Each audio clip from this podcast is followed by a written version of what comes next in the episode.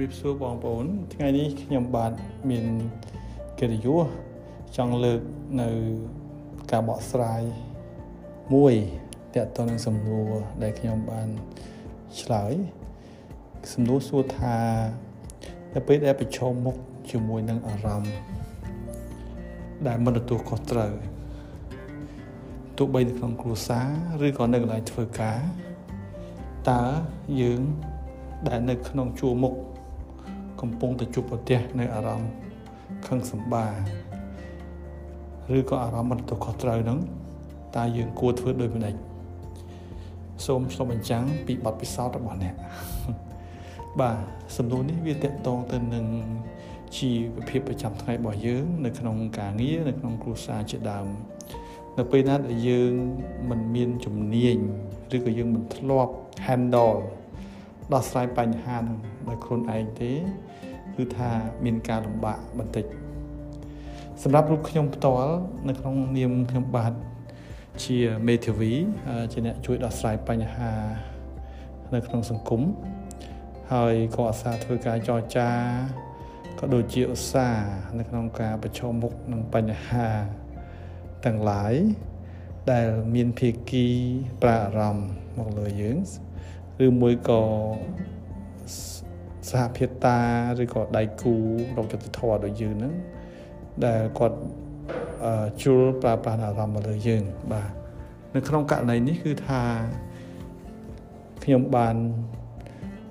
គិតទៅដល់វិធីមួយបាទរបស់ព្រះពុទ្ធព្រះពុទ្ធអង្គរបស់យើងហើយនៅក្នុង guru អ្នកដឹកនាំផ្នែក leadership ជាច្រើនទៀតក៏គេធ្វើការណែនាំដែរគឺថាដំបូងបំផុតគឺការដកដង្ហើមពីព្រោះថាគ្មានអ្វីដែលអាចខំក្រងចិត្តយើងដែលអាចដែលអាចបង្អង់នៅលបឿននៃការវេបកផ្លូវចិត្តទៅវិញបានក្រៅអំពី វិធីធ្វើយ៉ាងណា បន្ទន់ចិត្តខ្លួនយើង ដើម្បីកុំឲ្យធ្វើការវេបកនោះតែម្ដងនោះគឺសមាធិបាទសមាធិជាធម្មតាយើងគិតថាតើតើយើងរកកន្លែងស្ងប់ស្ងាត់បានយើងអាចសមាធិបានក៏ប៉ុន្តែនៅក្នុងស្ថានភាពបែបនោះយើងអាចជ្រើសរើសវិធីមួយដែលគេហៅថាដកដង្ហើមវែងវែងជាទូទៅ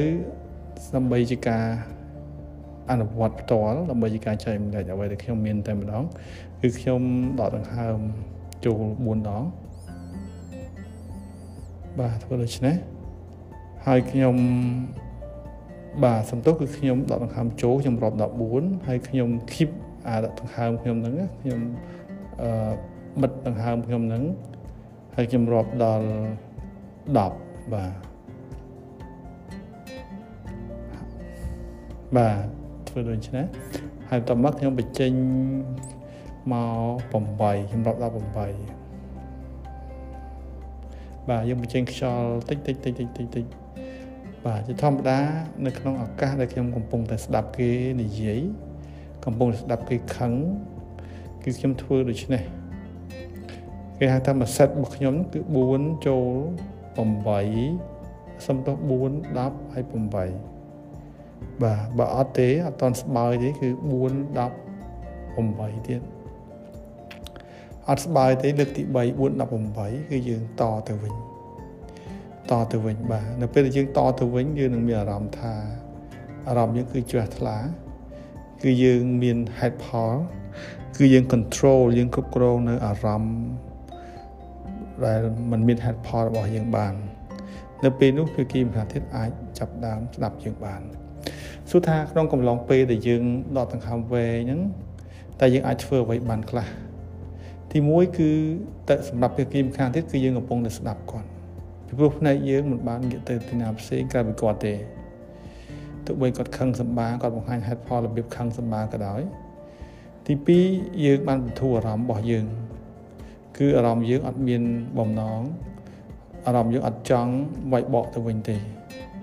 គឺយើងសម្រាកខ្លួនយើងបានគ្រប់គ្រាន់អនុញ្ញាតឲ្យខ្យល់ចេញចូលទី3អ្វីដែលយើងធ្វើហ្នឹងគឺយើងសង្កត់ចិត្តរបស់យើង សង្កត់ចិត្តរបស់យើង ដោយប្រើនៅសមាធិបាទប្រើនៅសមាធិហើយទី4គឺយើងក្នុងកំឡុងពេលហ្នឹងគឺយើងអាចអ្វីដែលយើងអាចធ្វើបានដើម្បីជួយដល់ការងារសម្រាប់សម្រួលអារម្មណ៍របស់យើងហ្នឹង គឺថាយើងហៅថា mirroring អង់គ្លេសបាទ mirroring មានន័យថាវាគឺជារបៀបនៃការ create creating rapport មកបង្កើតតំណែងមួយជាមួយគាត់ដែរបើសិនជាយើងអាចធ្វើបានគឺយើងអាចព្យាយាមស្ដាប់គាត់ឲ្យយល់ដែរទោះបីគាត់ប្រើអារម្មណ៍ក៏ដោយយើងសម័យថាបើយើងក្នុងសារភាពគាត់វិញតើយើងគិតដល់ស្អីមុនគេ តើអ្វីដែលយើងចង់និយាយពិតប្រាកដយើងព្យាយាមតាំងខ្លួនយើងជំនួសឲ្យគាត់អញ្ចឹងហើយដើម្បីតាំងខ្លួនជំនួសឲ្យគាត់កាន់តែដូចគឺយើងគាត់កាយវិការគាត់បើកដៃយើងបើកដៃយើងដែរគាត់ពើងទ្រូងយើងអាចពើងទ្រូងបន្តិចដែរដើម្បីយើងជល់ពី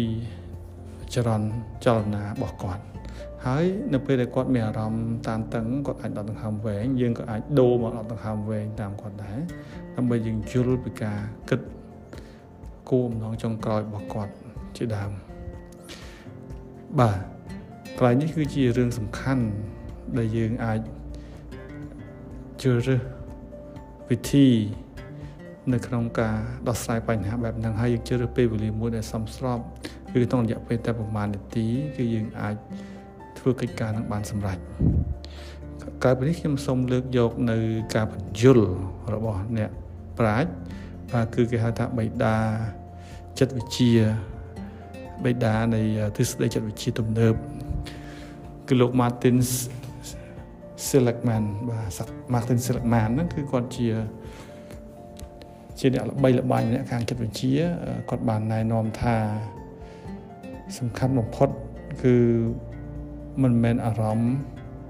ដែលយើងត្រូវបានគេបង្ក្រាបយើងទេ សំខាន់បំផុតមិនមែនជាការវិនិច្ឆ័យរបស់គេមកលើយើងទេវាគឺជាការវិភាគរបស់យើងទៅវិញទៅលើបញ្ហាជាការយល់ឃើញរបស់យើងព្រោះវិញមានតែយើងទេដែលជាម្ចាស់នៃអង្គហេតុរបស់យើង ជាម្ចាស់នៃរឿងរ៉ាវយើងដឹងរឿងរ៉ាវទាំងអស់ការដែល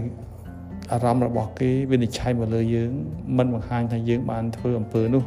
ឬក៏យើងធ្វើខុសតាមទេអញ្ចឹងណាអញ្ចឹងបានថា គាត់ឲ្យយើងពិចារណាទៅលើហេតុផលសិនយើងកុំអាចជឿគេថាយើងខុសពេកប៉ុន្តែយើងមិនចាំបាច់ធ្វើការវាយបកភ្លាមភ្លាមទេពីព្រោះធ្វើដូច្នោះនឹងឲ្យប៉ះពាល់ដល់អារម្មណ៍អ្នកអតីត